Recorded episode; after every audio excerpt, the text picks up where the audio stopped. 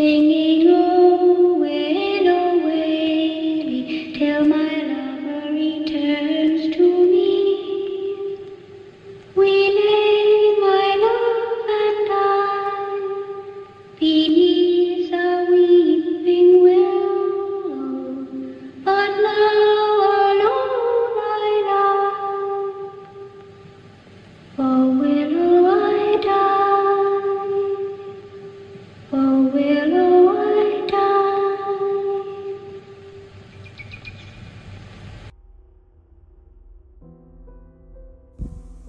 Selamat malam.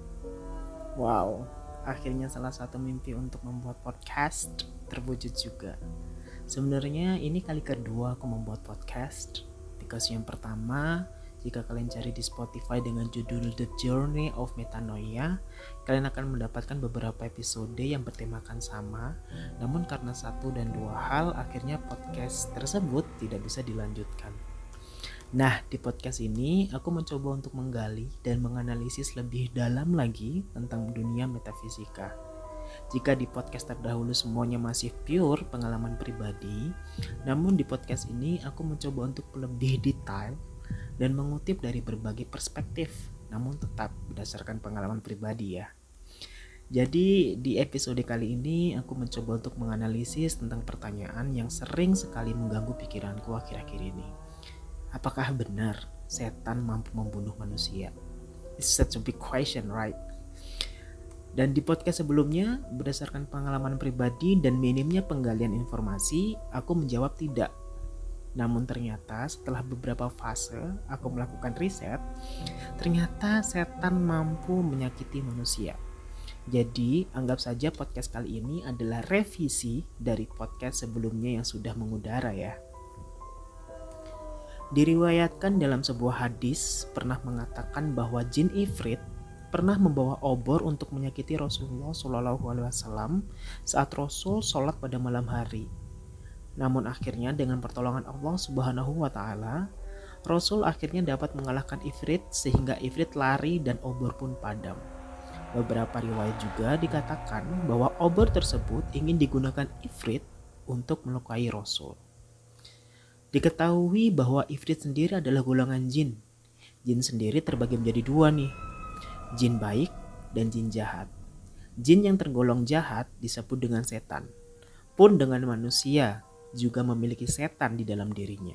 Sehingga firman Allah jelas bahwa Allah menciptakan setan dari golongan jin dan manusia. Sehingga apa pun yang sesat di dalam apa pun yang sesat adalah setan. Meskipun tidak semua jin berarti setan ya. Nah, berangkat dari konsep itu, akhirnya aku menyadari dengan beberapa kisah masa lalu juga ya, Meskipun di beberapa pengalaman pribadiku tidak pernah terlintas sedikit pun dari teman-temanku yang tak kasat mata itu seperti Caroline, Rahayu, Ajeng, Deborah, Siti, dan Sutina ingin membunuhku dalam tanda kutip ya membunuh. Bahkan dulu ketika aku masih dalam proses terjatuh, aku ingin sekali dan ingin sekali memutuskan mem, dan ingin memutuskan uh, mengakhiri hidup mereka selalu bilang, no awan, tidak awan, bunuh diri itu menyakitkan. Namun dari beberapa kisah yang lebih luas seperti pesugihan kemarin yang kita bahas, yang mewajibkan adanya wadal, konsep tersebut ternyata ada.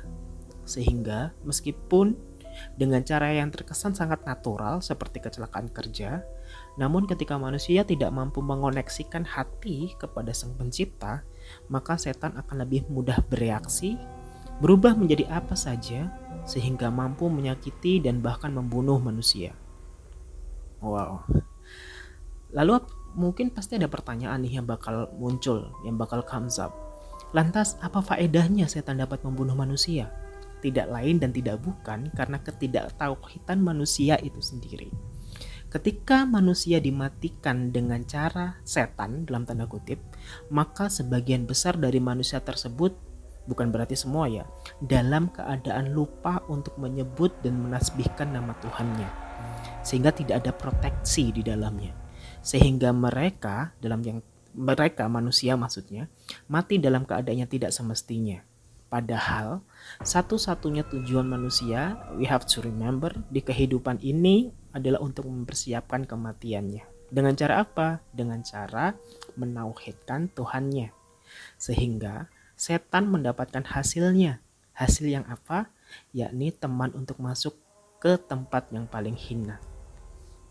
Maka, salah satu solusi yang paling dasar atau pondasi yang mampu membuat manusia agar mampu mengukuhkan hati kepada Sang Pencipta adalah dan terhindar dari segala mara bahaya tersebut adalah dengan menggantungkan hatinya kepada Tuhan. Itu adalah langkah awal sih sebenarnya dan wajib ditempuh agar keselamatan selalu ada dan dijauhkan dari segala petaka. Sebab as I always told to you guys bahwa setan akan selalu meneliti hati. Jadi, sebagai konklusi nih dari pertanyaan apakah setan atau jin dapat membunuh manusia? Jawabannya around 90%, 90% atau mungkin up to 95% sangat bisa. Sehingga diharapkan kita nih sebagai manusia selalu berhati-hati dalam setiap tindak tanduk yang dilakukan di dunia.